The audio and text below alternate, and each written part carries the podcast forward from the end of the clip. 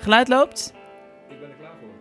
Welkom bij Camera Loopt, waar ik praat met makers van films en series en aan wie ik alles mag gaan vragen. Ik ben Anna Drijver en ik speel in films en series en ik praat daar heel graag over. Vandaag niet vanuit de minibioscoop, maar vanuit mijn eigen huis.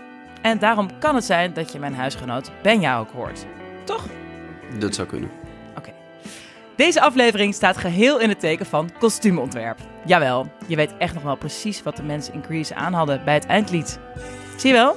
En welk pak El Pacino droeg in Scarface. En dat komt omdat kleding gewoon onwijs belangrijk is. En zeker als het uit een periodeproductie is. Want je wil geen horloge spotten in Ben Hur of een iPhone zien in de zak van een acteur. Ja, mensen, let daar maar eens op. Kortom, costumes.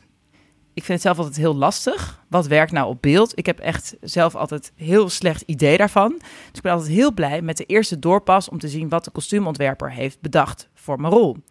Want waar begint zo iemand dan? Mijn gast is expert op het gebied van periodefilms, heeft een ware fetish voor echte ouderwetse spulletjes, maar weet ook gewoon hoe mensen er smashing uit kunnen zien. Welkom, Bo Roosterman. Hey, goedemorgen. Heel leuk dat je er bent. Ja, vind ik ook. We gaan zo met jou praten over ja, wat je highlights zijn en hoe je een acteur in een bepaald jasje krijgt als ze daar geen zin in hebben, bijvoorbeeld. En nog veel meer. Mm. Ook hebben we heel wat vragen van luisteraars voor jou. En natuurlijk onze rubriek Wat kijk jij nu? Maar eerst even wat follow-up. Dank voor de mooie reacties op de aflevering met Meike de Jong. Margot Schaap schreef dat ze nog wel veel meer had willen horen en benieuwd was naar het repetitieproces.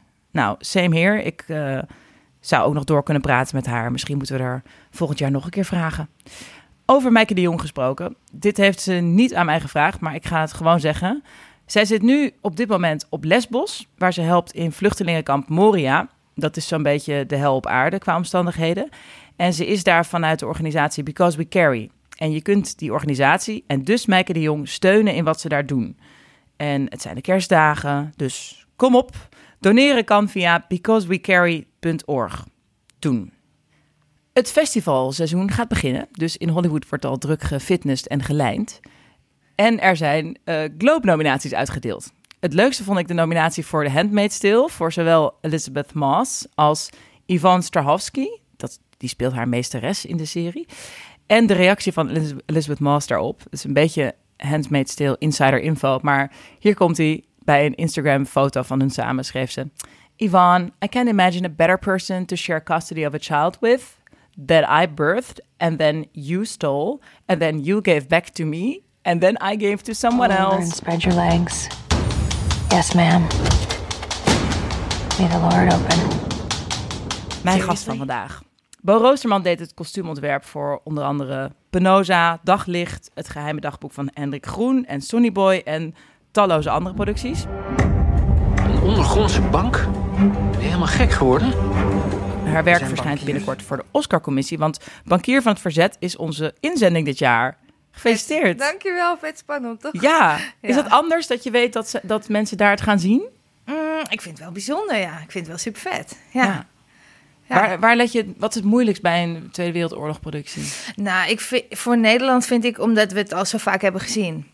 Dus iedereen heeft een soort van beeld van een oorlogsfilm. Ehm, en ja, om je daar een beetje, jus, een beetje sau- sausje overheen te gooien, dat vond ik wel ingewikkeld, ja.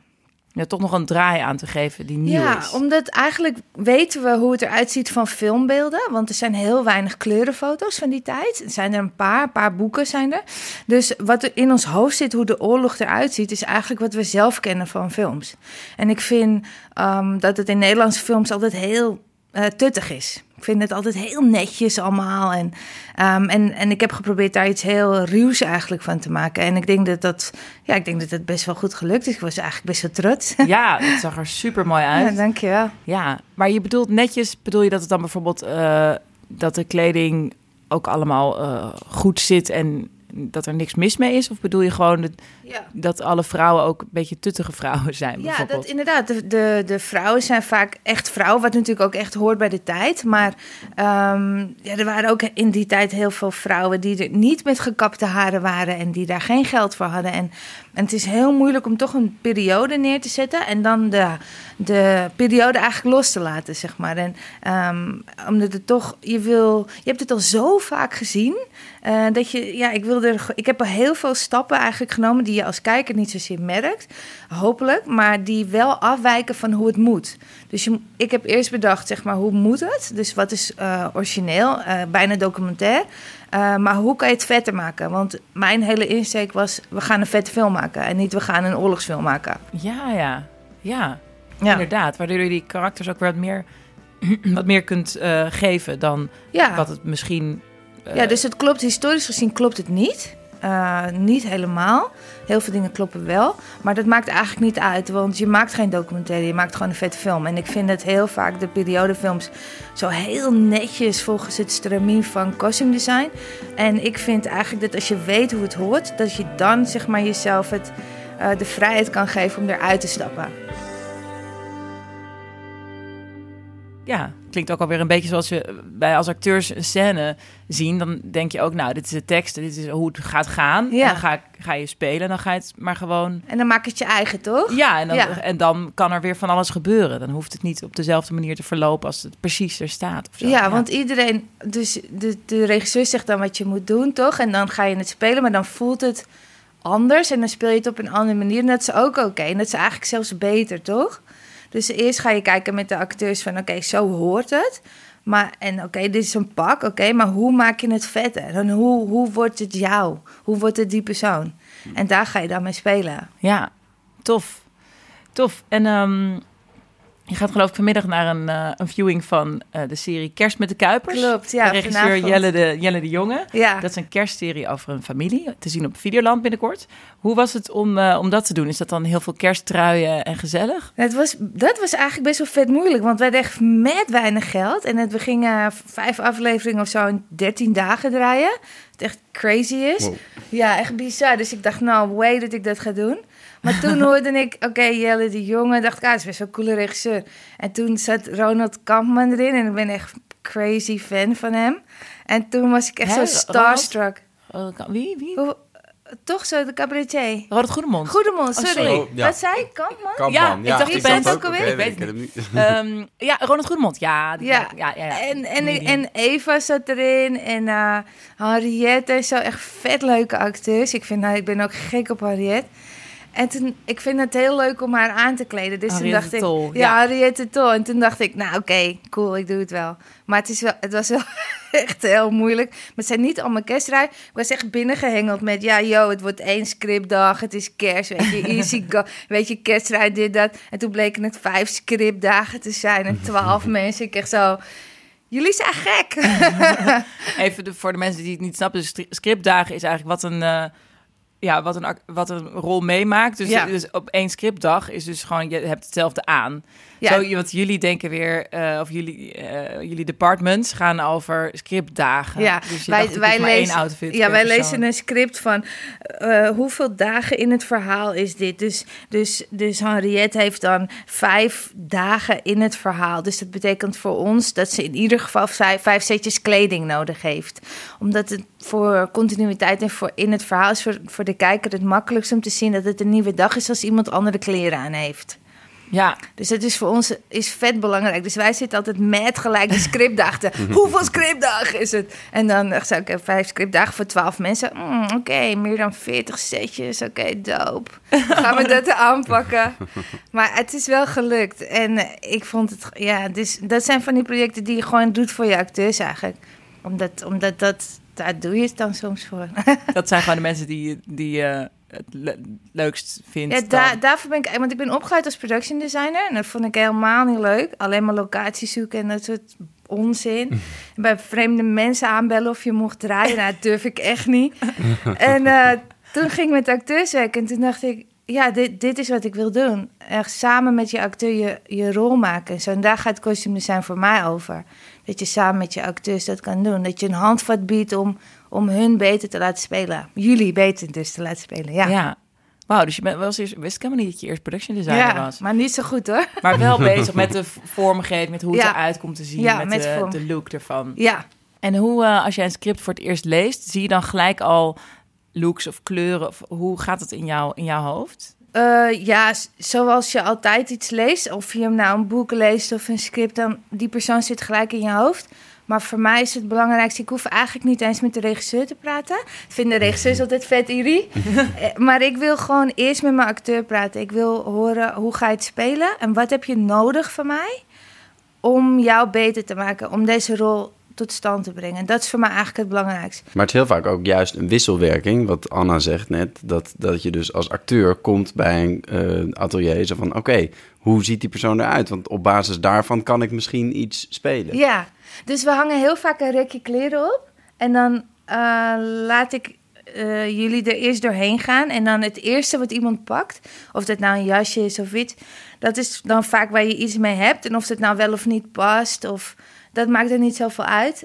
Maar dat is wordt dan je uitgangspunt. Want we gaan eigenlijk als we ehm, nieuwe personages gaan creëren, gaan we eerst naar de, de rommelmarkt. En dan gaan we kijken, oké, wat, wat is die persoon? Dus eh, een tof vest of een gekke schoenen of zo. En dan maakt het helemaal niet uit of het dan de goede maat is of niet. Ja. Dan nemen we het mee. En, en dat wordt dan zeg maar ons... Dat is het vest van die personage. Zo hebben we laatst ehm, Bianca Krijgsman aangekleed voor Schaduw van Joram Luurse. Of eh, het heet nu Judas. ja, dat is over Astrid Holleder. Over Astrid Holleder. En toen hadden we een vet vest gevonden met gouden knopen en angora. En het was gewoon super dope. En ik wist nog helemaal niet dat zij het ging spelen. Maar dat vest was gewoon voor mij dat personage. En dan hangen we dat op en dan gaan we daar gewoon over nadenken en naar kijken. En wa- wat hoort daarbij en wanneer heeft ze het aan? En, en toen hoorden we dat, dat zij het ging spelen. En het paste qua kleurtoon helemaal niet bij haar haar en bij haar huid. Dus toen moesten we weer een hele andere kant op. Maar dat vest is altijd gewoon haar vest gebleven. Ja, dat is gewoon jouw Zonder dat ze het ooit aan Zonder heeft dat ze het ooit... Ze heeft het ook niet eens aan in de serie. Nee, maar het is gewoon jouw uitgangspunt voor de Ja. rol van dit is... Oh ja, een item. Ja. Een key item. Key. En kon ja. zij daar ook wat mee? Dacht zij ook, oh ja, dit vest, ja, ik snap het. Het past dan wel niet, maar ik snap dat dit Ja. de rol is. Ja. Ja, dat ging eigenlijk best wel goed. En toen hebben we heel veel, we hebben drie keer met haar moeten passen. Want eh, het is heel, soms heel moeilijk om het vast te pakken, zeg maar, wat je, wat je nodig hebt. Want je gaat er snel overheen. Zeker bij een actrice met zoveel eh, expressie in haar gezicht. En zij moest 30 jaar ouder lijken. Dus dan zit je heel erg, dus ik zat in ieder geval heel erg te struggelen met... Ehm, hoe krijg je iemand ouder? Hoe, hoe blijft het? Hoe ga je de grens niet over van dat het colder of comedy wordt, weet je wel? Dus het is een hele moeilijke balans. En waarschijnlijk eh, ook een samenwerking met eh, hair en make-up dan. Ja, Denk ik als ja. eh, Pruiken qua en alles. Ja, dat scheelt natuurlijk ook weer helemaal voor jouw kleding. Ja. 30 jaar in de serie of 30 jaar gewoon ouder dan zij is. Nee, toch? Het Ja, ze- speelt zich af over een periode. periode. Ja, dus ze gaat van de jaren 70 naar de jaren 80 naar de jaren 90. En dan neemt Carrie Tefse de rol over. Oh, wat een feest. wat een feest, die actrices. Ja, dus, maar dat moest dus ook nog matchen. Dus we moesten dus van Bianca naar, naar Carrie Tefse. En daar moest ook nog een lijn in doorgetrokken worden. Ja.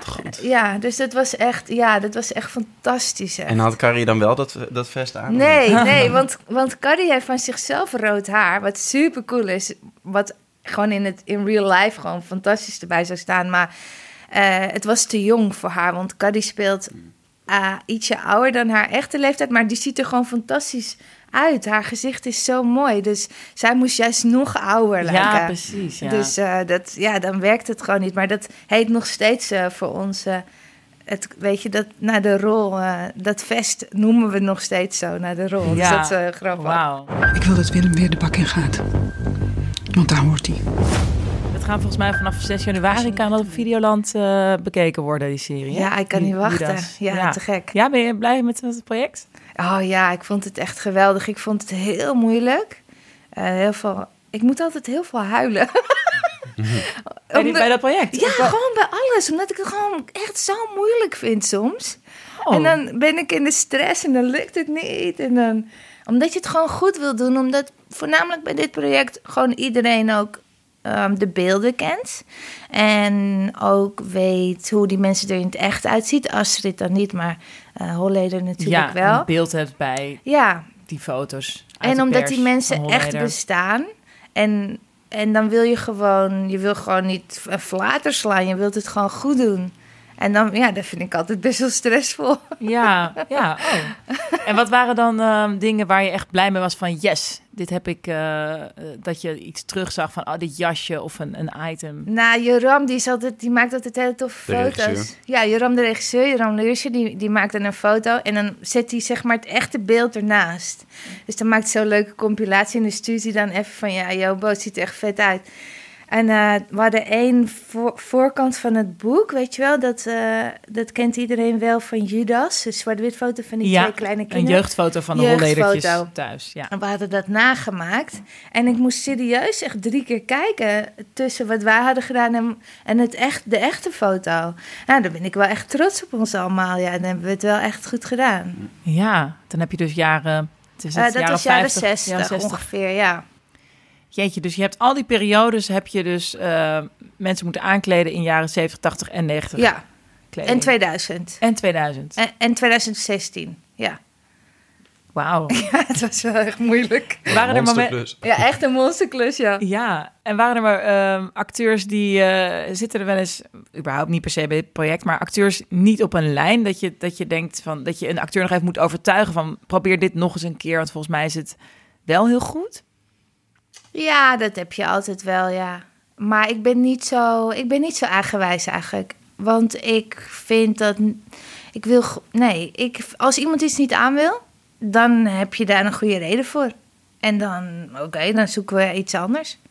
Ik ben niet zo van overtuiging van doe nou of probeer nou. Ik soms als ik het echt heel tof vind en iemand durft het niet of zo, dan eh, om wat voor reden dan ook, dan probeer ik het wel. Maar dan maak ik een foto en dan laat ik het even terugzien. Want het is altijd fijner om even een foto te maken en terug te kijken op de computer of op de telefoon. Maar ja, als, ja, als iemand het echt niet wil, ja, ja dat maakt toch niet uit. Ik, daar, ik ben daarvoor om te, om te helpen. Ik ben niet om iets door te drukken of zo. Ja, Dus ik, dat doe ik eigenlijk nooit. Grappig, ik heb wel altijd eh, een soort van schuldgevoel, omdat ik zelf slecht beeld heb altijd. En dan kom ik in zo'n kostuumatelier en dan hangt daar zoiets inderdaad. En dan denk ik, oh jee, oh, is dat het? Oh ja, wat? Oh. en dan denk ik, ah, bij alles wat ik, wat, waarvan ik dan denk, mm, ja, weet ik niet, voel ik me daar dan een beetje schuldig over. Durf je het niet te zeggen? Nou, ik zeg het altijd wel, maar ik heb er een schuldgevoel over. Ik denk, ah ja. je kan het ook eh, niet niet laten merken, geloof ik. Dat zit er niet op bij jou. Nee, maar ik vind dat het wel grappig, want jij bent best wel precies inderdaad. Maar je zegt het niet van tevoren. Je, dus misschien moeten we dan van tevoren erover hebben, voordat je op de doorpas komt. Ja, maar dat is dus waar ik het eerder over had. Dat Ik vind het heel moeilijk om er, om er Ja. een, zeg maar van, van scratch een voorstelling van te maken. Maar als ik iets zie, dan weet ik wel eh, vrij snel dat dat het niet is. Dat dat het niet heel is. goed in commentaar geven. Ja. Dat weet Diana Maar dat is vaak, de, ja, de meeste acteurs weten inderdaad wel wat het niet moet zijn. En de meeste regisseurs ook. Maar wat het wel moet zijn, dat weten ze vaak Ja. niet. Maar goed, daar hebben jullie ons voor. En, en wij weten vaak wel wat het moet zijn. Maar we, er zijn zoveel restricties waar wij aan moeten denken. En het voornaamste probleem is altijd geld. Mhm. Eh, is dat we vaak iets willen wat we gewoon niet kunnen betalen. Of, en ik, wat vind ik altijd wel grappig bij jou? dat jij inderdaad zo zegt, ja, dat stofje. Ja, dat stofje. Juist of je niet lekker vindt of zo, of- niet vindt goed. ja, ja, dat is, ja, het is zo'n H&M-stofje noem je dat dan vaak. Oh ja? Ja, Ja, en dat, dat, dat vind ik dan, Ja, dan dat is dan jij- niet goed genoeg nee, voor dan ben mijn jij een personage. een beetje allergisch, Voor hoor. acteur wel, maar voor het personage niet. Hè? Nee, maar het is wel grappig, want ik heb jou wel vaak dat je pakken aan moet in overhemden, toch? En dat Ja, is een beetje ja. nette, maar mooie, mooiere dingetjes. En dan, ja, heel vaak kunnen wij alleen maar het hoogst haalbare is dan de Zara. Precies. je wel? Ja. Dus dan Je zit kunt je niet echt naar maatpakken gaan zoeken op de nee, pc. eh, nee. nee. Dus dan, ja, dus de struggle tussen wat ik wil dat een acteur aan heeft en wat ik kan betalen, is zo groot. Het is eigenlijk ook lekkerder voor jou als er personages zijn die gewoon gewone mensen zijn. In plaats van dit is een high-end miljonair. Ja. Die, eh, of een vrouw die weer eens eh, weer een nieuwe, iets nieuws uit de kast trekt. Ja, en wat ik echt crazy irritant vind als die scenario schrijvers. Ja, en dan haalt ze een Chanel-tas uit de kast. denk ik, yo, ten- je weet niet eens wat het kost, gast. Je weet niet hoe het eruit ziet. Laat me met rust. Schrijf die shit niet in die scripts. Ik bemoei me ook niet met jouw werk. Laat me gewoon mijn eigen werk doen. Want weet je, en dat vind ik altijd zo irritant. Want een Chanel-tas kost gewoon 20 roodjes. Dus schrijf het gewoon niet op. Weet je? Dat, ha, oh, dat vind ik zo Ja. irritant. Oh, wat geestig. ja, ik snap het. Schrijf dan op een dure tas of weet ik veel. Of ik snap wel wat je ermee wil zeggen, maar ik weet niet. Het is gewoon onmogelijk soms de budgetten waar we mee moeten werken. Eigenlijk bijna het he- eh, is er maar één keer per jaar een project dat je echt geld hebt. En de rest van het jaar ben je gewoon naar de Zara. Ja, is zo'n zo'n Judas, was dat ehm, te doen voor hoe groot de klus was? Het budget? Eh, Maar dat, is, dat stel ik me voor, bij, dat als je dan een fatsoenlijk budget hebt... dat je dan meteen eh, jaren 60, 70, 80, 90, 0 en 2016 moet doen. En dat het dus alsnog weinig geld is, Ja. of niet? Ja, dus we hadden wel geld, maar uiteindelijk inderdaad heel weinig geld. Omdat je het moet verdelen over zoveel jaartallen. En ook omdat sommige rollen worden door vier verschillende acteurs gespeeld. Dus om die lijn door te trekken is wel ingewikkeld. Maar ik heb gelukkig, gelukkig hele goede vintage contacten. Dus ehm, ik heb het wel gered. Maar je bent alleen maar aan het rekenen. En bij de bankier was dat ook. Je bent alleen maar aan het rekenen. Koop je veel nieuwe dingen of, of bezoek je dingen op rommelmarkt? Of laat je ook wel eens, maak je ook zelf dingen? Vintage je dingen contacten. maken? Ja, ja. ja. Ja, ook rommelmarkten, eh, Etsy, eBay.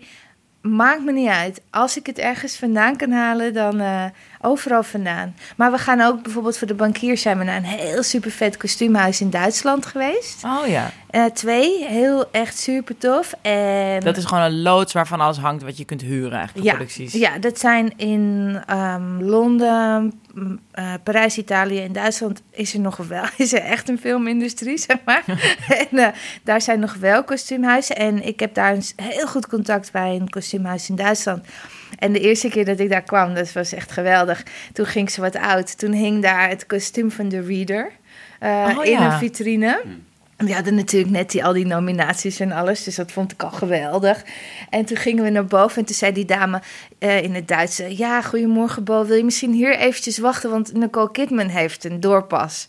Dus ik echt zo, oh my god, weet je wel. En toen eh, was het heel grappig, toen eh, wa- mochten we door, door dat hele gebouw... en zij vonden ons echt hysterisch grappig, want eh, hoofdkostuum is daar gewoon best wel een prestigieuze baan. En hier ben je gewoon een fucking verhuizer, dus... Maar daar... Nou, Nou ja, echt? Ja, een beetje, ja, een beetje wel. En daar is het best. En, en, en wij waren gewoon met kratten aan het sjouwen en zo. En zij zei elke keer: Nee, dat hoef jij toch niet te doen? Dat hoef jij toch niet te doen? Nou, maar, maar wij in Nederland zijn wij, zijn wij helemaal niet zo van de hiërarchie, toch? En iedereen Nee, helpt. dus jij bent gewoon gewend om dat ook te doen. In plaats van te zeggen van, ik, Ja, doe, ik, doe ik ik ga alleen maar voor overleggen en alleen ja, maar... en alleen kijken. maar eh, ja, aanwijzen, dat wil je hebben. En toen eh, was ik met Hanneke, Hanneke Geurts, mijn assistent. En eh, we waren op zolder aan het rommelen en ze, had, ze had ons een hele rondleiding gegeven. En ze zei, ja, hier hangen allemaal producties eh, die al klaar zijn en dat hangt hier. En ik zag Hanneke zo die deur doorgaan. Ik dacht, nou, die gaat even kijken daar, weet je wel. En ik hoorde er Bo, Bo, je moet even komen. De trui van Brad Pitt hangt hier. dus ik echt zo, oh, dope. Dus ik er naartoe, zie ik Hanneke er met haar hoofd in die trui.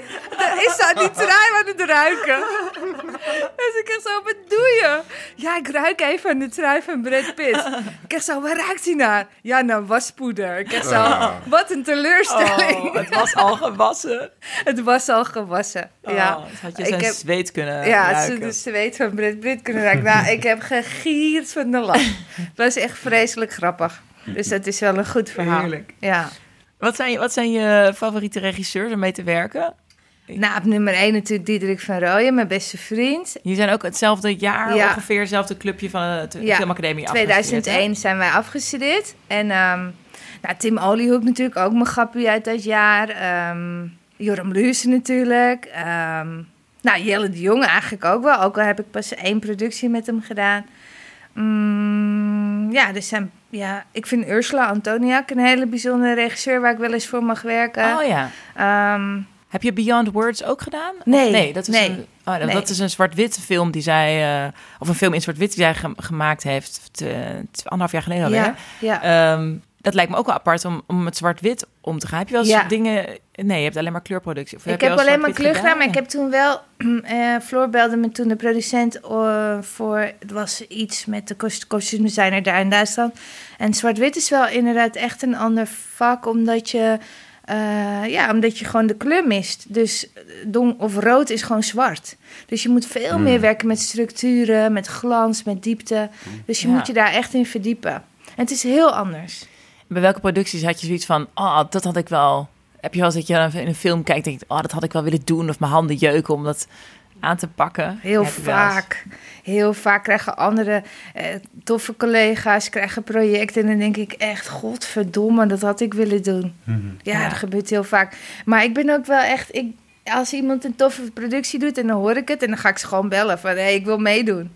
en dan is nee, nee, we hebben al iemand. Je bent gek, je moet mij nemen. Waarom? Ik begrijp het niet. Oh, wat goed. Ja, en Ja. dan... eh, maar goed, eh, er was bijvoorbeeld vorige... eh, nu bij Tim Oliehoek is een hele vette productie aan het draaien. Stanley H. En eh, mijn lieve collega... ehm, oh god, ben ik de naam kwijt. Zie je? Zo erg ben ik. Eh, tijd. Margriet Percé. Oké. Margriet Percé, excuus Margriet, die doet het. En, eh, en toen had ik Tim gebeld. Nou, ik begrijp niet waarom je Margriet neemt, weet je wel. echt, maar ja, dan denk ik, ah, dat, dat moet ik echt doen. Maar Maar had je het wel kunnen doen überhaupt? Nee, nee? Oh. nee, ook niet. Maar eh, en het, hun hadden ook daarvoor een heel tof project gedaan. En Tim is gewoon super loyaal. En dat is ook hartstikke leuk. Maar dan ga ik toch wel even bellen van... hey, die productie wil ik doen of dat wil ik doen. Ja, heel goed. Je hebt ook met regisseur Wil Koopman gewerkt aan April, Ja. May, June. Ja. Met onder andere Linda de Mol. Hoe Ja. was, wat was de stijl van die film? Nou, het is best wel grappig om een film met Linda te doen. Omdat het was voor mij het eerste keer. Ik had wel al. Mijn zus is haar vaste stylist voor de shows en zo. En, dus ik had haar al heel vaak gezien. En ook bij haar thuis doorgepast en alles. Maar als je toch zelf het moet doen. eh, is het toch wel heel anders. Want zij is en actrice en producent en schrijver en Persoonlijkheid ja, gewoon ook. gewoon Ja. en gewoon fucking Linda de Mol. Dus ja, dan kom ik aan en zeg ik, ja, je moet dit aan. Nou, dat werkt dus gewoon niet. Dus je moet gewoon heel veel overleggen. En eh, ja, zij heeft gewoon heel duidelijk beeld van hoe ze eruit wil zien. En dan, dan heb ik gewoon niet zoveel in te brengen. Ja. En jouw zus, is dat jouw tweelingzus? Nee, mijn Oh. oudste zus, Odette. Oh, oké. Ja, Want je mijn hebt ook een tweelingzus begrepen, maar Ja. jouw oudste zus Odette, die doet, doet haar styling. Ja. En hebben jullie dan al overleg zo van, nou, eh, ze vindt dit soort dingen fijn, eh, Ja. qua als stylisten onder elkaar, niet Ja, als zussen. ja, ik had wel even mijn zus gebeld van... oh mijn god, ik vind het best wel spannend... want jij doet het al tien eh, jaar of langer, weet je wel. En, eh, en eh, goed, een film is natuurlijk iets heel anders dan een, een tv-show. Dus ik ging wel even aan mijn zus vragen... van eh, welke tips en eh, ha- eh, hoe hoog moeten de hakken... en eh, ja, gewoon een beetje allemaal dat soort dingen... ging ik natuurlijk wel even Ja. checken. Ja, zeker wel. Dus toch wel een beetje anders dan iemand die alleen maar actrice is.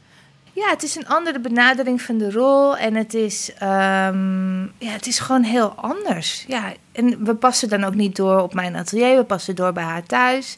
En dat is super leuk, want dan, eh, dan komen er echt de meest fantastische kleren komen uit die kast.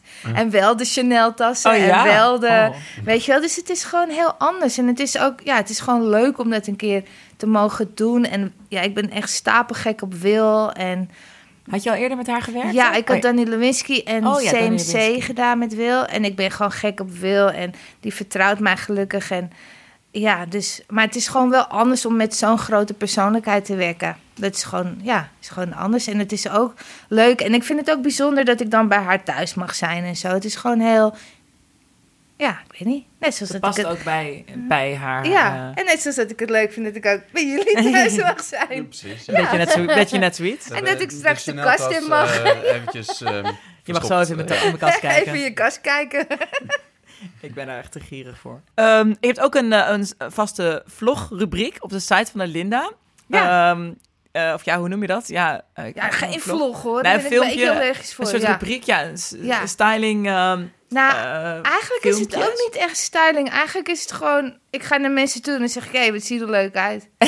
en dan vraag ik er wat over. helpt, helpt je dat eh, nog in je werk dat je dus eh, dit sowieso iets doet? Vind je dat Mm, extra leuk? Of denk je nou, of het gefilmd is of niet, ik had dat toch wel gedaan? nee, ik ben... Nee, ik, had, ik, ga, ik durf dat eigenlijk helemaal niet zomaar op mensen afstappen. Dus voor mij is het best wel... Ik, ik, ik moet daar wel elke keer echt een hele hoge drempel over. En mijn eh cameravrouw en regisseur Kim Bruidsman... die moet mij echt... Oké, Bo, ga erop af. En ik zeg zo... Nee, ik durf niet. Ja, doe het, doe het. Ik zeg zo... Nee, nee, nog de volgende. En dan laat ik iemand gewoon voorbij lopen. En dan durf ik het gewoon niet. Maar wat grappig, want als ik, als ik jou eh, tegenkom of met jouw werk, jij bent zo'n, of komt over als zo'n flap uit. En je zegt, aan je doet alles wat je, waar je zin in hebt. Zo kom je over. Nee, ik niet. Ik, ben, ik, vind het echt, ik vind het echt eng. Ik vind het, ja, ik sta in op een feestje ook altijd in een hoekje. En nee, ik vind het, ja, ik weet niet, ik durf dat gewoon niet. Maar als, het, als ik zo'n paar, zo'n paar mensen heb gehad en zo, dan, dan gaat het wel. En dan kom ik die dag wel door. Maar ik heb zo vaak ook weer Highland in, ergens op een kerkplein gestaan. Wat doe ik hier, weet je wel? Maar eh, nee, ik vind het gewoon... Waar het mij een beetje om ging met het ziet er leuk uit, was... Ze vroegen me ervoor van in het tv. Het was, was net opgestart eigenlijk. En ik zei, ja, ik wil, ik wil echt wel een programma maken... maar ik heb geen zin om mensen af te zeiken. Want eh, Ja, zo'n modepolitie-achtig, Ja. zeg maar. wat, wat ook vet leuk is om naar te kijken hoor. Want ik vind het heerlijk, weet je, met Geer en Goor en al dat afzeiken vind ik echt heerlijk. Maar het past gewoon niet zo erg bij mij om dat zelf te doen. En ik vind het ook wel leuk dat gewoon, ook al ben je dik of heb je rare schoenen aan of weet ik veel. Of heel dun of, of oud of whatever je ding is. Dat je er ook gewoon leuk uit kan zien. Dat het niet gaat over hoe dun je bent. Want ik vind dat het daar gewoon te vaak over gaat. En ik ben zelf altijd eigenlijk met zwaar overgewicht vond ik eigenlijk ook dat ik er vet leuk uitzag. Dus, en ik vond het eigenlijk ook best wel irritant toen ik heel erg was afgevallen. Dat mensen zeiden dat ik er goed uitzag. Dat ik, nou ja, ik dacht, ja, ik zie er gewoon anders uit. Maar niet per se beter dan hoe ik er eerst uitzag. Dus ik vond het wel leuk om daar wat mee te doen. Dus ik probeer eigenlijk altijd dikke mensen of oude mensen of gekke mensen aan te spreken Ja. die eh, mee willen doen. Ehm, want leuk, er leuk uitzien zit er van binnen eigenlijk en niet van buiten, vind Ja. ik. Ja, mooi. Ik denk wel dat mensen ook dan dat zeggen tegen jou... omdat ze iets willen zeggen om je, een soort van de waardering van... hé, hey, je Ja. bent veranderd. Dat is, eh, daar heb je waarschijnlijk... is dat niet makkelijk gedaan, dus way to go of zo. Ja, ik vond, ik vond niet het... dat het per se is... Nee, het is ook vaak heel lief hoor. Het is ook lief bedoeld en het is ook heel lief als mensen tegen je zeggen eh, van oh, je bent zo afgevallen, je ziet er goed uit. Maar ik vond eigenlijk eh, dunner zijn niet gewoon bij mij passen. En ik, ik eh, vind gewoon hoe ik er nu uitzie gewoon eigenlijk lekkerder. En ik ben nu gewoon weer aangekomen en ik vind het eigenlijk leuker. Dat kan dus ook. Ja. ja. Ja, maar er is soms best wel taboe op, zeg maar. En niet dat ik zo ah, van, nou, hij moet de taboes doorbreken. Maar ik vind gewoon vrouwen die gewoon eigenlijk vol zijn, vind ik eigenlijk veel mooier. Want ze zitten natuurlijk eindeloos op Instagram naar al die fit girls en zo. ja. En ja, eigenlijk denk ik, ik vind eigenlijk die dikke vrouwen veel mooier. Dus ehm, Ben je daar in je werk ook, ook mee bezig? Dat je dus denkt, nou, ik hoef helemaal niet te benadrukken dat dit een, een, een knap lichaam is of zo. Of, of ja, heel erg. Ik ben nooit bezig met ah, iemand dikker of dunner of... eh, daar gaat het voor mij niet over. Behalve als de rol daarover gaat. Dan, dan gaat het er natuurlijk wel over. Maar ik ben niet bezig. Als iemand zegt, zie ik er hier dik in uit? Dan zeg ik ja. ja. ja, Maar vind je het vervelend? Nee, nee, nee. Ja, of soms wel. En dan oké. Ja. Maar de- ja, het, eh, gaat het, ben je, kan je je rol beter spelen? Of ja, daar gaat het toch niet over? Het gaat het toch over hoe, of ik je geloof straks en of het me raakt. En niet of je dik of dun bent. ja. Vind, ja, vind ik gewoon nergens over gaan. Ik had laatst een hele leuke gozer voor een rol. Een hele knappe gozer op de foto. En toen moest ik hem aankleden. Toen dacht ik, ja, je bent eigenlijk best wel een drol. Maar je moet er heel stoer uitzien. Maar het zit er gewoon niet in van binnen. Dus dan kan ik wel een leren jekje erop gooien. Maar ja, als het er niet in zit... en je bent gewoon heel zacht en lief... eh, gewoon Ja. een schatte, eh, een drolly... dan, ja, dan kan ik er wel een leren jasje op gooien. Maar dan komt het er toch niet uit. Maar dat is eigenlijk niet goed gecast. al. Nee. Dus dan krijg jij al een, een, Nee. een casting Ja. die eigenlijk niet klopt met het... Ja, dat heb ik heel vaak. De casting klopt niet bij de rol. Dus die jongen die, ja, dus we moeten er wat aan doen. Maar ik kan moeilijk tegen die jongen zeggen, ja, je bent een rol. Ja, dat kan niet. Dus ja, dan gooi ik er nog maar een leren jasje op of iets, weet je wel. Maar ja, hij, hij loopt niet zo, hij, hij, hij beweegt niet zo, hij praat niet zo. Dus ja, en, en ik moet er wat van bakken. En dan wordt, er, wordt de dopas afgekeurd. Maar het zit, van binnen zit het niet. Ja, Snap je? En hij kan er niet bij. En wat ik eraan doe, helpt hem niet. Dus dan moet je wat anders verzinnen. Maar dat, ja, daar is dan geen tijd voor. Of, of de regisseur ziet het niet. Of, en dan lijkt het net alsof ik mijn werk niet goed doe. Maar jullie hebben het verkeerd gecast. ja. Ja. Dat is inderdaad heel belangrijk, ja. Ja, het moet van binnen kloppen. Ja, dus je kan met kleding wel heel veel. eh, je hebt wel een soort marge. Je kan iemand wel een bepaalde kant op bewegen, maar je kan niet alles. Nee, zeker niet. En eh, kijk, sommige acteurs werken van binnen naar buiten, anderen werken van buiten naar binnen. En als eh laatste zei Gijs Scholten van Aschat het heel leuk voor zijn rol met Clem. Ehm, hij werkt echt van buiten naar binnen, dus dan, dan gooi je er inderdaad iets op, een, een vest of, een, of iets. En hij speelt daarmee en hij pakt dat echt en hij gaat anders staan, hij gaat anders lopen, hij gaat, weet je, en dan help je iemand echt. Maar ah, ja, andersom om is het natuurlijk veel moeilijker. Want Ja. dan komt het niet van mij uit. Dan, dan doet iemand het anders, dan komt het van binnenuit. Interessant, ja. Ja, ik herken het ook. Wat ben jij, Benja? Ja, dat van buiten naar net binnen? zeggen. Van buiten naar binnen of van binnen naar buiten? Hmm, ja, dat, ik hoorde Gijs dit ook zeggen. Dat was bij de viewing Klopt. van eh, The Possession of Anna Grace. En toen zat ik eigenlijk toen ook al te denken... ja, wat, wat ben ik nou eigenlijk? wat, wat ben ik nou? Ik, ik vind het moeilijk hoor. Ik, ik geloof dat het toch dan meer van binnen naar buiten is.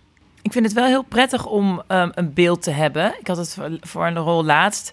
Dat ik dacht, oh, ik heb echt eh, van een paar mensen in mijn hoofd qua kleding. Ik had, dan maak ik daar een soort moodboardje Ja. van. Zeg ik, oh, dit ongeveer. En stuurde de, de kostuumontwerper terug van, nou, dit is ons moodboardje. was ongeveer hetzelfde. Oh, ze hadden ook mijnzelfde ehm, sleutelfiguur als... Dus dat, was, dat is dan zo lekker. Dan denk ik, oh, dan is het toch goed geschreven... dat wij allebei ongeveer dit soort, eh, dit soort ja, zo'n soort persoon voor ons zien. Maar zij is ook een goede kostuumontwerper. Ehm, ja, di- dit was niet. Dit was voor. ehm, Oh. ja, ik, ja, ik zit even denken. Nee, dit was voor, eh, voor, eh, voor nieuwe buren was dit. Oh, Met voor Mar- Marion, eh. Marion Ah, ja. Brood. Ja. Ah, ja, ja, ja, ja. ja. Ja, wij spelen ook in. ik speel ook in Airs of the Night. Dat, en Benja toevallig ook.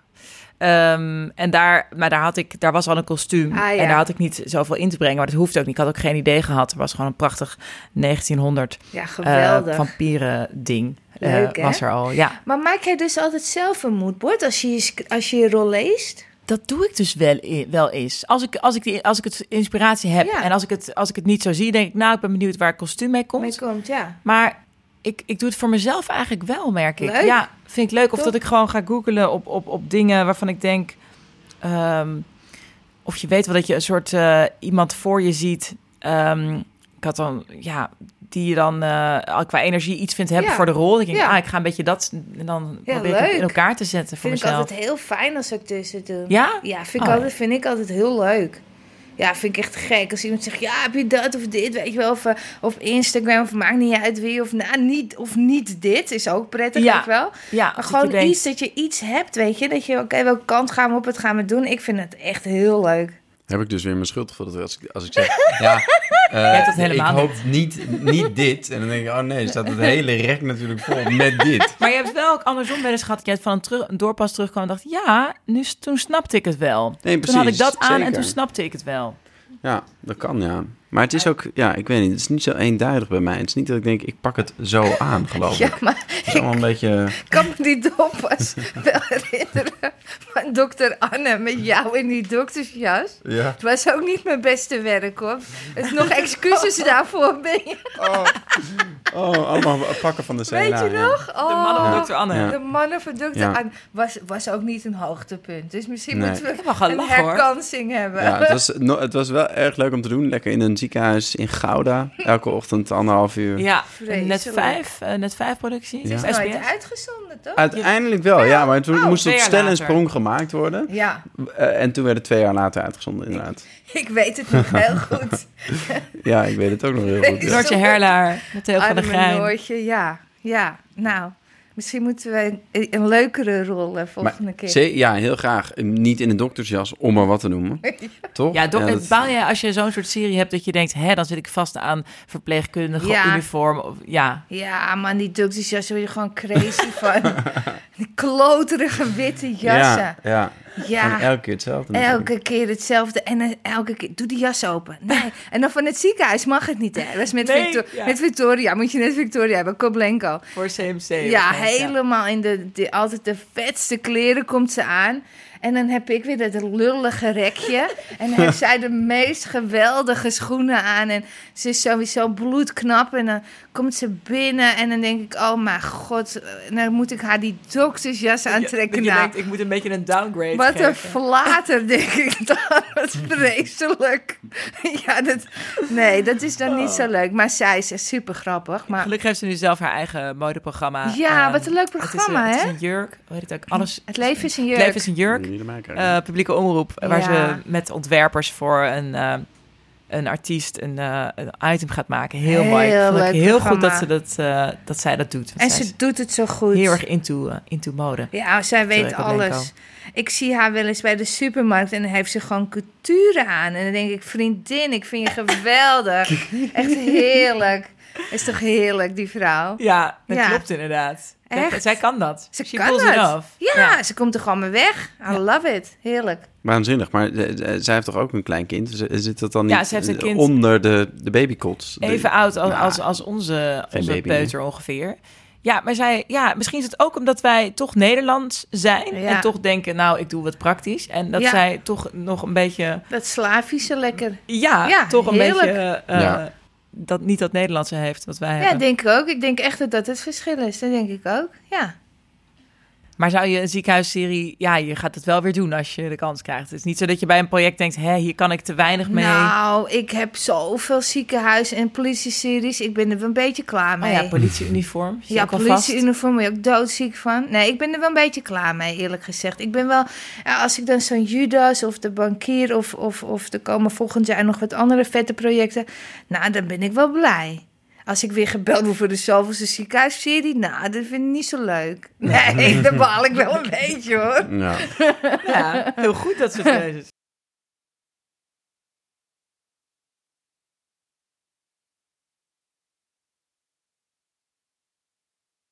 Ik had heel veel vragen van, eh, van luisteraars. Ik ga ze gewoon eh, op je afvuren. Ehm Haroon Ali vraagt: Mag je als acteur sommige props en outfits houden na afloop? Oh, wat grappig. Dit vroegen heel veel mensen vroeger aan mij toen ik eh, modellenwerk deed. Vroegen, vroegen dat allemaal. Toen dacht ik: Nee, nee, dat moet niet. Maar ik de vind het best wel een hele. catalogus mee naar huis. Ja, ik, ik blij. Nee. Ehm, maar eh, ja, mag je als acteur dingen houden? Geef je wel eens dingen mee als ja ik geef eigenlijk best wel vaak dingen weg. Ehm, ik heb laatst Ik heb een doktersjas thuis. Ja, hangen. leuk hè? Speciale doktersjas.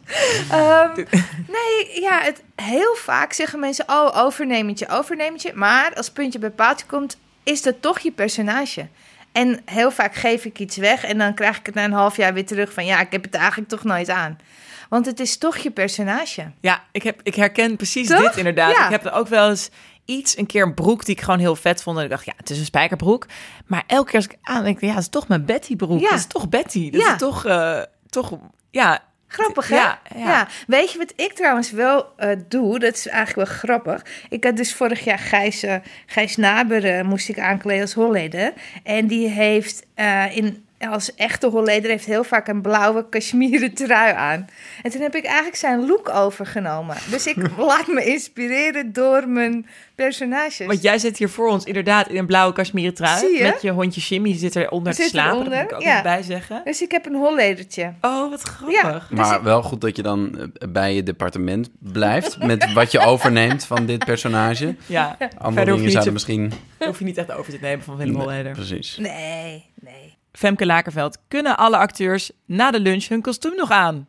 Oh, nou, na de lunch eh, meestal wel, maar na een vakantie, als er een zomerbreak is, dan hebben we vaak een probleem. Oh ja, dan... dan eh, is- Oh, ik betrok het helemaal op morsen op je Oh, kostuum. morsen. Laat maar. Oh ja, oh nee, ja. ik, ik denk dat het gaat over uitbuiken, eigenlijk. Uitbuiken. Maar dus dan, dan denk jij, we moeten even een extra doorpassen om te kijken of Ja. mensen nog continu als, zijn. Ja, als we een lange serie draaien, en bij, bij Vuurzee hadden we dat heel vaak, hadden we een zomerbreak, maar echt serieus vijf weken. Dat, ik echt zo, dat mensen echt zo, ja, Jo, ik ga vijf weken naar Bali. Dat ik dacht, oh, kut. Probeer dan ook dan maar eens niet bruin te worden, bijvoorbeeld. Ja, niet bruin worden is een dingetje. En, niet, en nog in je continue pakje passen is ook een dingetje.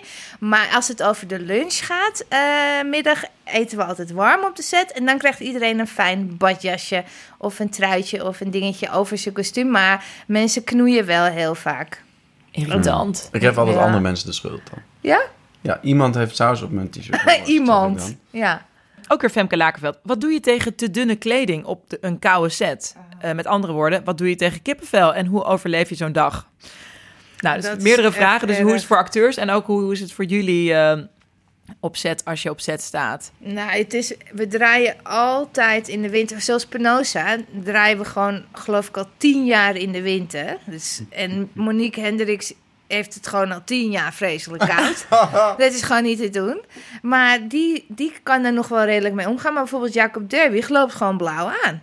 Die heeft gewoon blauwe lippen. Oh ja. Dus ja, die moet heb ik gewoon- ook. Ja, heb jij dat ja, ook? mijn lippen worden blauw. Blauw, Ik- ja, Er komt en- opeens iemand met lippenstift, denk ik. Hé, hey, dan zeg ik ook, eh, volgens mij, Marol, ik heb geen lippenstift. Nee. Het moet even. Ja, maar dan, dan kom je ook niet meer uit je woorden, toch? Als je het Nee, zo koud Een hebt. beetje stijf, ja, een beetje Ja. stijve, stijve mondgebied. Ja. Ja. Dus je moet ja, thermo en heatpacks en kruiken en vliesdekens. Maar ik vind het een drama. Ja. Want het, je hebt het of ijskoud of, of je hebt het bloedheet. Vreselijk. Ik Jij heb gaat voor of the Night heb ik, heb- is mijn, heeft mijn personage een hele coole cape en een jas en een dit en een giletje. En ik, ik, het ziet er echt prachtig uit. Maar in de zomer heb ik, en in de studio staat het zweet op mijn Ja, voorhoofd. sterf je het af van de hitte? Ik heb liever dat, want ik zweet niet. Ik heb het liever Echt? warm dan koud. Ja, ah, ik, ik word ik gek als slecht. ik het warm heb. Nee, maar het probleem... Ja, precies. Ik Ja, ook. En zeker omdat ik weet... Kijk, als ik het nu warm zou hebben, dan zou ik denken... Ja, vervelend, heb ik het warm. Maar als ik in beeld moet en ik voel zo die druppels Ja. uit mijn voorhoofd komen... Ja. dan denk ik, kut, dat, Ja. dat kan niet. Nee. Want dat zie je en Ja. dan dat communiceer je iets heel anders. Dan En denk het je, kriebelt en het is Vreselijk. gewoon ongemakkelijk. Oh, ja.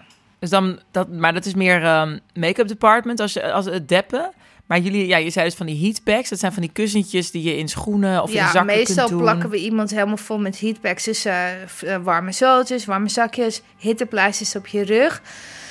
Thermokleding, meerdere lagen, panties nog eronder. Er komt even een ambulance langs.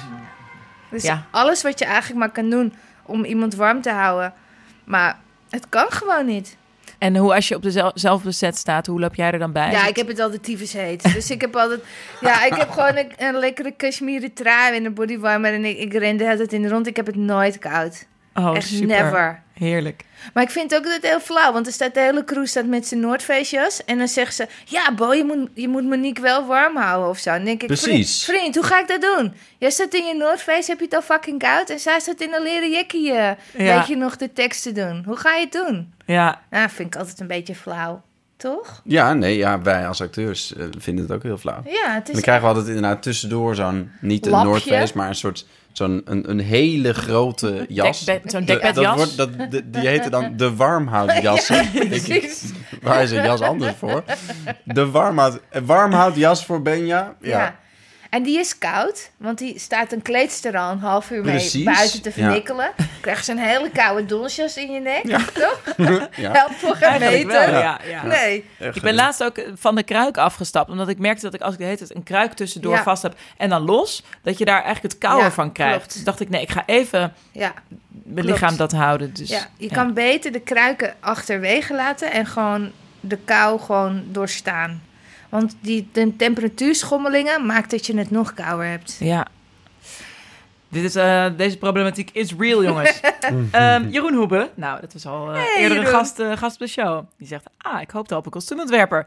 Eh, deze vraag hebben we eigenlijk net ook al een beetje behandeld. Maar vorm je bij de eerste keer lezen van een scenario al meteen een idee van hoe een karakter eruit moet zien? Hadden we net al een beetje over. Ehm, maar en hoeveel van je kostuumkeuzes maak je intuïtief en hoeveel is beredeneerd? Zeg maar nau- nauwkeurig uitgedacht aan de hand van het verhaal. Ben je meer intuïtief? of is het Eh, allebei eigenlijk. Eerst intuïtief en daarna ga je heel specifiek kijken op script van oké, ja, moet iemand dus buiten staan? Moet iemand, eh, hoe vaak ja. loop je van binnen naar buiten? Want ik heb heel vaak een leuk setje en dan wordt er weer zo'n een jas overheen geknald en dan zie je het helemaal niet. Dus bij het indelen van het script van het continuïteitsboek ga ik heel erg kijken. ehm, oh, deze blouse is heel mooi, maar als er een buitenjas overheen komt, zie je die blouse niet en hij kost 300 euro. Dus dan heb ik hem liever bij een binnensetje. Maar kan dat? Want past het bij de muren? Ehm, en welke andere acteur zit daarbij? En welke kleur heeft die aan? Dus dat is een hele puzzel. Die maak ik met de kleedster. Dan leggen we de hele film uit op scriptdag. Dan leggen we alle acteurs en dan gaan we kijken... Daarvoor hebben we ook al de locatiefoto's. En dan weten we, oké, ja, er zijn blauwe gordijnen. Dus dan moet ik niet al mijn acteurs Blauwe ook nog een blauw... Behalve als dat een stijlkeuze is en het is de bedoeling. Dus dan ga je heel specifiek over nadenken. Dus je bent nog steeds als die, die production designer, ben je ook nog steeds, eh, heb je in je achterhoofd wat er, wat er van gemaakt is. Altijd, want ik vraag altijd eh, eh, foto's op van de sets, van de gordijnen en van de banken. Eh, zodat ik precies, bijvoorbeeld bij Clem hadden we een heel strak kleurschema. Ik weet niet of dat ooit iemand is opgevallen. Met Florian Lechters en Giel eh Schuit hadden we daar een heel strak kleurenthema op toegepast. Waardoor de bepaalde groepen in de filmserie allemaal hun eigen kleurspectrum hebben. Dus Ah, Barry blauw. Blauwe? Ja, klopt. en eh, Georgina had vaak een rode jas. eh, en gele. ja, rood en geel huis. Ja, En en, daar kom eh, ik niet, geloof En de ik. boeven hadden allemaal een kleur. En, ehm, en waardoor je altijd voelt, of je, nou, of je nou niet weet of je in welk huis bent. Je voelt altijd dat het, dat het daarmee te maken heeft. Dus als je de boeven altijd iets groens meegeeft, dan voel je al onderbewust dat Als dat, je een grasveld ah, ziet. Dat is een bad, dat is een slecht grasveld. Ja. Dat is een bad guy. Ah, leuk. Dus zo probeer je ook... eh Ja, zo werk je ook. Eh, met lagen te werken, ja. Tof. Ja, En inderdaad, dus het hele art department... Ja, dat werkt dan samen op zo'n ja moment. dat is heel belangrijk. En wij, wij gaan altijd met de productiedesigner een kleurkaart maken. En, een, de- en dat hebben we voor bankier bijvoorbeeld gedaan. Heel strikte kleurenkaarten. En je gaat natuurlijk met je cameraman overleggen... oké, welke kleuren heb je echt een hekel aan? Welk materiaal draaien we? Hoe grade je het? Welke filters gebruik je? Ja. Welke kleuren kan je niet gebruiken? Dus ja, je, ja, je maakt... En, en over geluid natuurlijk ook. Kraakt iets. Oh ja. Daar Eh, komen we ook zo op. Daar heb ik ook een komen we vraag ook nog over. op. Oké. Eh, Grade trouwens, dat kreeg ik nog als, eh, als vraag aan, aan de hand van jargon. Eh, vorige aflevering. Grade is dus hoe je eh, de kleuren uiteindelijk ehm, ja, wast als het ware. Zodat ze, hoe ze eruit komen op het, Ja. op het doek. Dat ja, is- heel, ja. heel vaak eh, halen ze kleur eruit eh, en brengen ze kleur in. En het heeft ook voor make-up heel specifiek met huidtonen te maken. Eh, waardoor als je bijvoorbeeld heel veel rode gebruikt en ze doen, halen al het rood uit, de, uit het materiaal, dus ze graden al het rood eruit, dan krijg je een heel ander kleurspectrum. En voor ons is dat heel belangrijk. Want kan een knalrood kan Bordeaux-achtig worden en dan kan het juist weer wel. ja, ja. Of juist weer niet. Dus je moet altijd goed kijken hoe het gegrade gaat worden. Dus eh, het liefste maken we natuurlijk van tevoren een cameratest. En overleggen we natuurlijk met camera en licht hoe ze het eh, gaan belichten. En dan kan je daar je kleuren alvast even... Op aanpassen. Ja. Ja. Wauw. Ik heb maar weer eens eh, het gevoel dat je als acteur zo'n klein radertje bent in het geheel. Grappig is dat, hè? Ja, We hebben geen idee. Nee. We hebben geen idee. Leuk om te Goddank, horen. Deze podcast. Ja. Eh, nog een vraag van Jeroen Hoebe. Waarom hebben kostuumontwerpers in Nederland zich nog niet verenigd om massaal te protesteren tegen het feit dat er nog altijd geen gouden kalf aan wordt uitgereikt? Ik hoop elk jaar op rellen in Utrecht, de Schouwburg barricaderen, rode loper in brand, maar niks hoor. Ehm, nou, inderdaad. Ja. Denk je wel eens van waar, waar Nou, blijft de erkenning? Ik denk dat elk jaar, en ik kan je echt met eerlijkheid zeggen dat ik afgelopen jaar er echt behoorlijk ziek van ben geweest. Dat we de production design kalf hebben gekregen voor de bankier. En er nergens een eh, vermelding was eh, voor kostuum. Ehm, niet. Is dat zo? Dus ook niet als het... Klopt. Dat prij- die prijs wordt dan echt alleen maar als de sets en de Ja. locaties gezien. Nou, kijk, wij vallen natuurlijk wel onder de production designer, maar ehm, ik, ja, ik vind gewoon echt dat er een aparte kostuumkalf moet zijn. En er is nu voor, voor, voor- volgens mij vorig jaar voor het eerst een vermelding voor, van het NFF. Ehm, ik ben zelf gewoon ook lid van de Academy. Ehm, ik vind gewoon echt achterlijk. In elk Europees land is er een, een, een Ja. prijs voor costume design. En ja, yo, jullie kunnen niet in je blootje, weet je. En het heeft zoveel, ehm, het heeft zoveel effect op hoe het wordt. En, Ja. en, en niet alleen met periodekleding, ook met, met gewoon andere kostuums. Maar ik denk dat het komt dat we nog niet verenigd zijn. Ik heb het afgelopen, nou ja, ik weet niet hoe lang ik al werk, vanaf 2000 ongeveer. Heb ik het afgelopen jaren echt geprobeerd met de andere kostuumontwerpers. Maar we zijn allemaal meisjes. En eh, als je twintig meisjes in één ruimte zet, gaat het niet zo heel lekker. en ik denk dat het daar een beetje mee te maken heeft. Dat het gewoon, ja, we komen er niet uit, we komen niet overeen.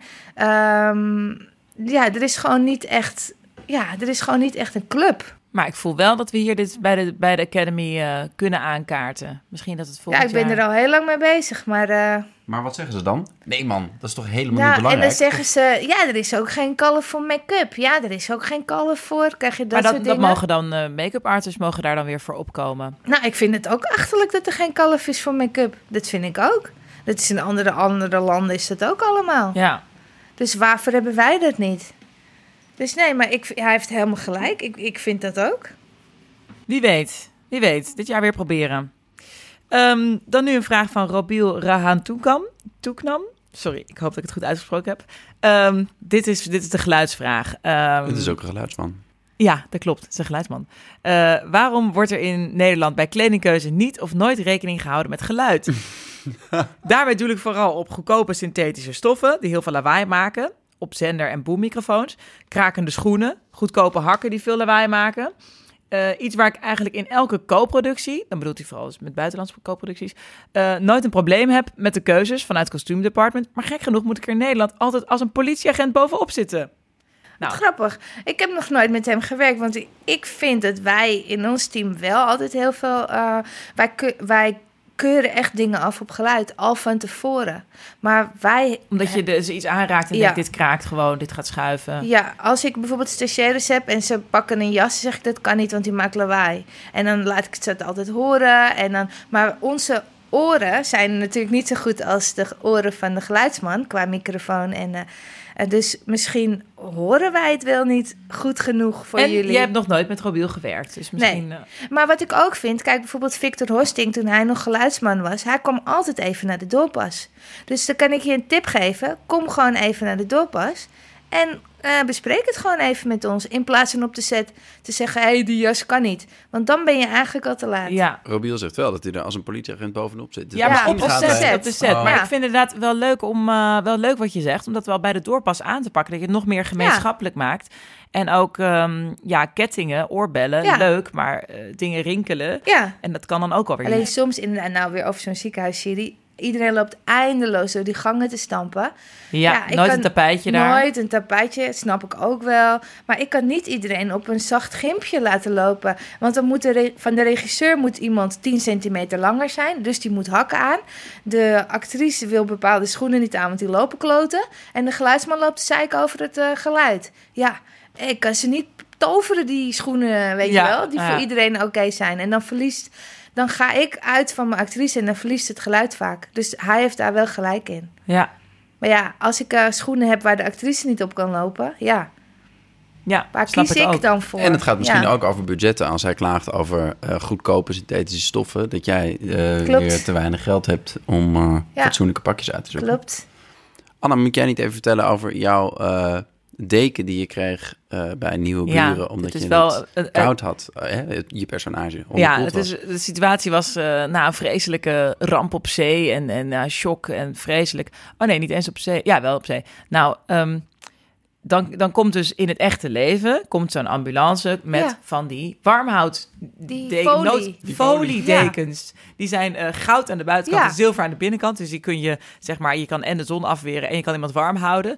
Maar nou, het is alsof je eh, een rol aluminium pakt Ja. die om jezelf heen wikkelt, vervolgens een scène gaat spelen. Dus ehm, ja, dat staat dan in het script. Er staat iedereen heeft eh, een foliedeken op Slaat zich. En eh, vervolgens zie ik een hele ongelukkige geluidsman. En ik, ik kan mezelf ook niet meer horen denken, want ik heb ook alleen maar gepiep en geklars. Dus ehm, ja, dan, dan kom je dus... Dat is gewoon niet realistisch. Want in het echt hadden we dat misschien wel gekregen van die ambulance. Maar dat kan dan gewoon Nee, niet. dat kan niet. Dus dan... ehm, of in mijn rol zeg ik dan van... eh, nee, nee, ik heb dat ding helemaal niet nodig. Laat maar. Ja, Of dan ehm, los je het op. ja, je moet het oplossen. Ja. Of iets. Met je geluidsman. Want ja, dat was wel eh, het ergste wat hem kon overkomen, denk ik, die deken. Echt aluminiumfolie. Ehm, Guido Hoebraken.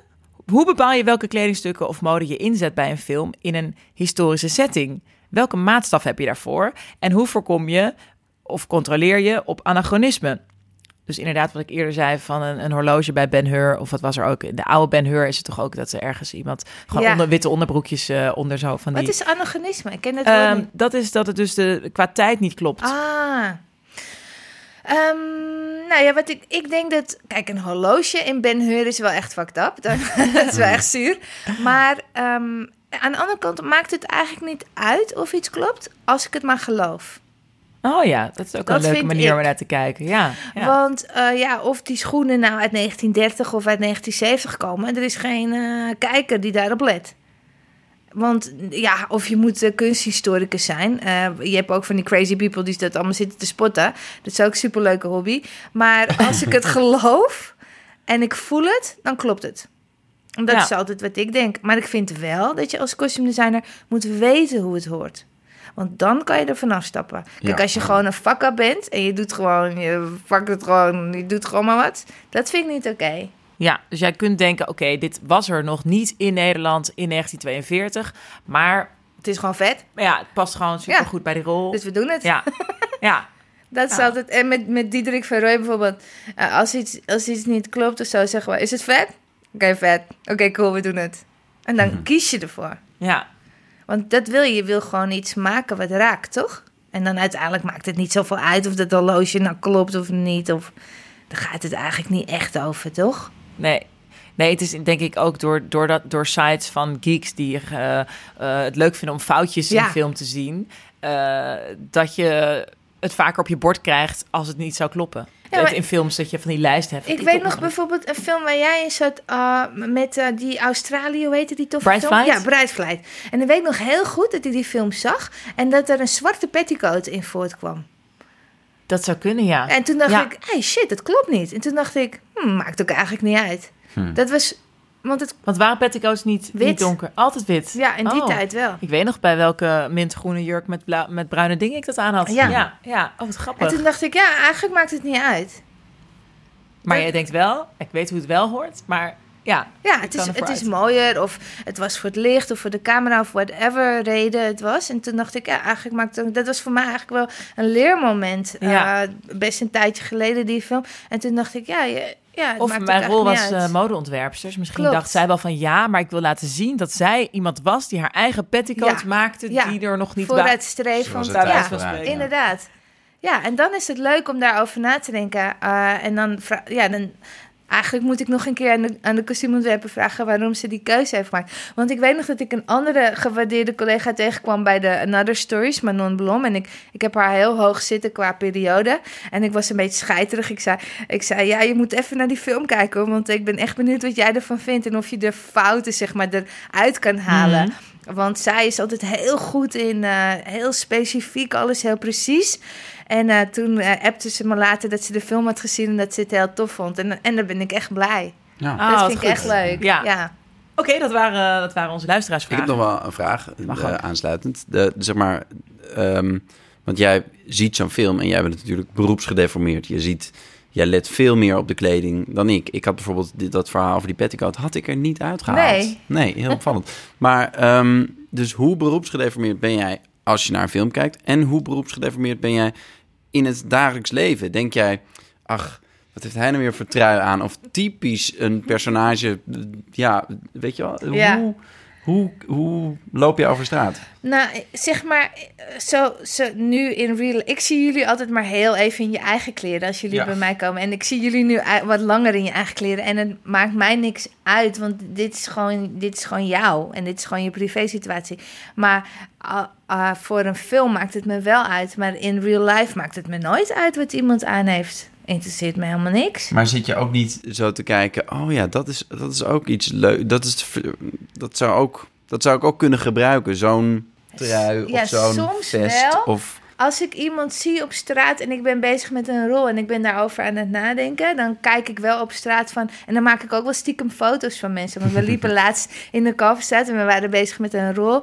eh Dottie, en zij is een soort van heksachtige, boho-achtig type. En toen zag ik een hele leuke vrouw in de Kalverstraat. Toen ben ik dus zo gaan achtervolgen. zo stiekem zelf foto's maken. En mijn assistent dacht zo, wat doe je? Ik dacht zo, ik zie een Dottie, ik zie een Dottie. En dan ren ik, ga ik er achteraan en dan ga ik een foto maken. Maar ja, je kan moeilijk zeggen, mag ik even een foto Ja. maken, want ik heb inspiratie nodig voor, mijn voor heks. heks. Ja, dat kan toch niet? Dus, eh, dus dat doe ik wel. Maar voor de rest gewoon privé, hoe mensen eruit zien, maakt me niks uit. Maar ik merk wel door mijn programma dat ik sneller op straat zeg: Hé, hey, wat zie je er tof uit? En dan zegt, zegt mijn man: Je bent niet aan het werk. en dan zeg ik: Ja, maar het is toch leuk om te zeggen dat iemand er leuk uitziet. En voor series eh, ben ik, als het heel goed geschreven en goed gespeeld is, dan kijk ik er niet naar. Mhm.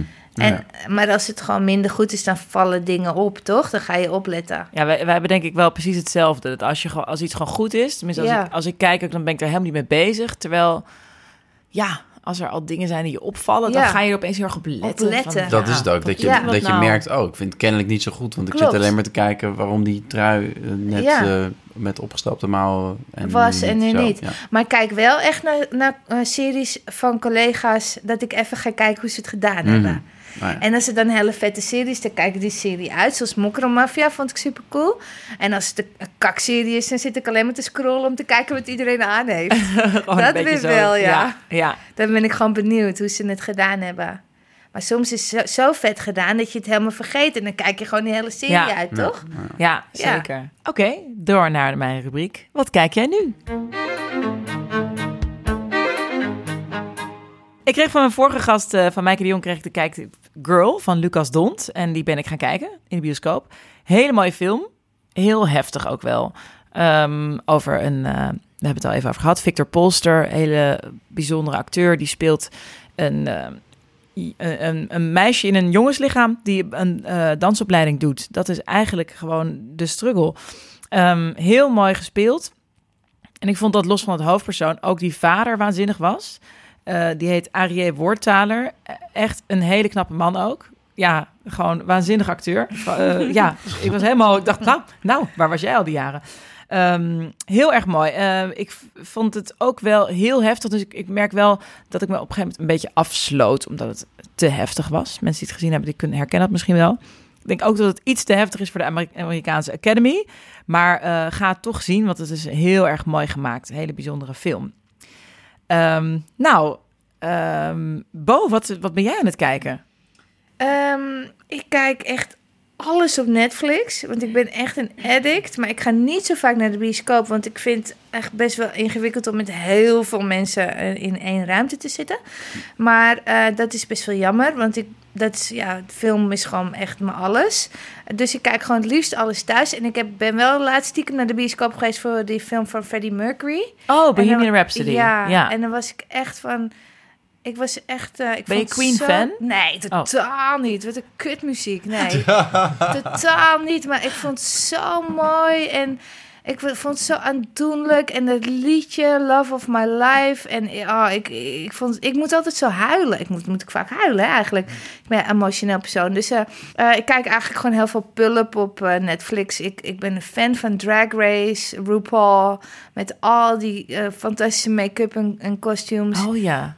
Ja, ik heb nooit, nooit Heerlijk. gezien. Daar hoor ik heel veel mensen over. Ja, echt heerlijk. Ik kijk natuurlijk Peaky Blinders, want het is echt wel de allerbeste serie ooit. Ja? Qua kostuum, qua acteurs, verhaal, edit, muziek. Het is allemaal zo mooi gedaan. Ah, dat moet ik kijken. Heerlijk. Dat heb jij gezien, hè, Benja? Eh, ja, maar ik ben wel afgehaakt op een gegeven moment. Ja, ja, kennelijk, ja. Oh, maar smullen. in drieënhalf of zo. In, Ah, ja. in drie, ergens vier. Maar ja, ik, ik ga wel soms naar de films, eh, maar ik kijk echt eigenlijk alles op Netflix. Heerlijk. En zoveel mogelijk. En alles door elkaar. En eh, eh, American Horror Story. Fantastisch, maar echt te eng. Dat durf ik niet s'avonds Ja. alleen te kijken. Oeh, eng. Ik kan, ik kan ik ook niet. Nee, ik ook niet helaas. eng. En die Ja. film van Diederik van Rooij heb ik Ja. helemaal niet gezien. Nee? The Possession of, uh, ben je Hannah gek? Grace? Je was er. Ja, ik heb, ik, wij hebben het openingsscène mochten wij aankleden, wat Oh, ja. natuurlijk super cool is. Maar ik, ik, heb de, ik was niet bij de opnames, want ik dorst het niet. Zo eng vond ik het. En heb de hele film, ik heb mijn bril afgedaan en mijn vingers in mijn oren en mijn ogen dicht. Geen idee waar die film over gaat. Oh, Gewoon te eng. Oh ja, nee, ik ben ook eh, ja, om die reden niet eh, naar de film gegaan. Ik heb de trailer gezien, daar had ik echt al eh nachtmerries over. Ja, ik als ook. ik ben s'nachts in huis, dan zie ik al dan de enge Ik spoken lopen. Ik doe het wel als kijktip dan. Dus mijn kijktip. The Possession of Hannah Grace. Because the only co-workers are cadavers. Het is een Amerikaanse horrorfilm, maar een Nederlandse regisseur en DOP en eh, production designer Paula Loos. Ja. Moet ik ook even vermelden. Zeker. Dus een Nederlands team zit erachter. Wat vond je, er, eh, wat vond je ervan? Nou, het was eigenlijk mijn eerste horrorfilm. Dus ik, ik wist, ik kon het niet zo heel goed vergelijken. Ik heb het nog, ja, ik- Ben je geschrokken? Waren er ja, ja, net- ja, Het is ja, echt precies. eng, toch? Ja, en het is, het is vooral eng. Ik heb een soort van. Ik zit dan de hele tijd mezelf te overtuigen dat ik het niet heel eng vind. Dat ik best oké ben nog. En, ehm, en dan, en dan, dus, of dan schrik je opeens heel erg. En het is altijd, zeg maar, de aanloop als er nog niks gebeurt. Ja. Dat, is, dat is het kutste. Ja. Als je kijkt, denk je, oh nee, er kan van alles gebeuren. En dan soms dan valt er een slachtoffer. Ja. En dan is het eventjes een soort een Rust. halve minuut rausen Ja. en lawaai en uh, gegil. En van, dan kan je even Ja, ontspannen. even op omdat adem je denkt, oké, dan Ja. kan het niet meer erger worden. Dat is het gewoon. Er gaat op dat moment iemand dood. Dan denk je, oké, chill. Zal ik het engst vertellen van de doorpas? Oké, Oh, leuk, gingen dus ja. doorpassen met, de, met de Gijs en eh, hoe heet Gijs die andere leuke acteur? Guy Clemens Guy, spelen ja, met Guy. Ja. Guy en Gijs. En Diet was er en de producers uit L.A. waren er. En dat meisje. Wat Shay dus- Mitchell, Ja. die speelt de hoofdrol. Die is eigenlijk geen actrice, zij is meer Nee. model en influencer. Be- be- eh, eh, nee, oh. Niet- nee, niet- zij was er niet. nee, Nee, dat, dat meisje, dat, Dat- oh, eh, het dat- lijkt. dat, Ja, er is een soort... het Ja. ja. tot leven komen. Ja. Dus het lijk leefde nog steeds Ja, op het ja. eind. ja, ja, het, lijk, Ja. het lijk was bij mij op de doorpas Ja, in Amsterdam. toppie. En, eh, en hun gingen nog reading doen. Hun gingen nog lezen en hun gingen nog eh, een en ander bespreken. En ik zit gewoon heel chill achter mijn computer gewoon, gewoon dingen te doen. En Diet zegt ineens, yo, kijk even naar Bo. En die Griet klapt haar kop naar achteren, zweer het je. En ik kijk me gewoon recht aan. Nou, ik ging uit. Maar ze klapte Maar je bedoelt, zij is eh, hypermobiel. Zij is, Zij is een soort slangenmens. Zij, ja, Oh, zij ja. is een slangenmens. Ze heeft dubbele gewrichten. Nou, ben je ik Oh. ging kapot. ik kon niet meer. Ik moest, ik daar. Ik zeg, doe even normaal. Oh, dus, dus de keren dat zij in een film, dat is ook op de poster geloof ik, ze ligt er gewoon heel echt. ongemakkelijk bij. Zij is, zij is gewoon hypermobiel, zij kan Ja. het allemaal bewegen. Ze kan al de gewrichten alle kanten op klappen. Dus ze Oh. klapt zo dit En hele... hoorde je dan ook die geluidjes? Want Nee. in de film zitten dan allemaal... Dan, dan draait zij haar arm om en dan hoor je zo... En dan Nee. denk je, oh nee, dat is niet goed, man. Ja, nee, die geluiden zaten er niet Oké, onder. Nou, ik ging oud echt. Oh, wauw. Het was zo eng. Ja, Toen ben ik niet naar de opnames gegaan. nee, snap ik. Dan Ja. krijg maar, krijg het heen en weer. Ik kom echt niet. Oh, man. Oh, heerlijk.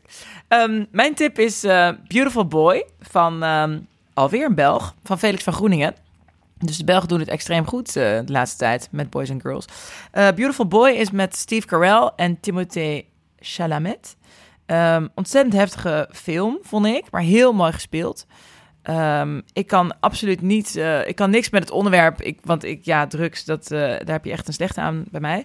Maar het was ontzettend mooi. Het is een vader- en zoonband en die zoon die, ja, die raakt aan de drugs. En de titels aan het eind van de film, die vertellen ook dat eh, het grootste doodsoorzaak nummer één in Amerika voor jonge Amerikanen is een overdosis. Het is daar gewoon eh, crystal meth, eh, het is eh, ook veel te goedkoop, heroïne, het is echt een enorm probleem. I thought we were close. I thought we were closer than most fathers and sons. Why? Een hele mooie film. En Steve Carell blijft ook een hele. speelt een vader die gewoon de hele tijd heel goed is en heel leuk. En, en dat maakt het nog erger dat die zoon hem zo ontglipt. Het is echt heel erg mooi, mooi gespeeld.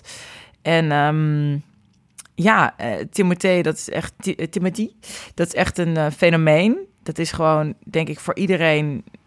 Man, vrouw, jong, oud. Hij is gewoon een beetje de jongen waar je altijd verliefd op wordt, maar waar je nooit bij komt. Of die, de zanger van de band. Of hij heeft iets ongrijpbaars. Heel mooie verschijning. Heel knap gespeeld.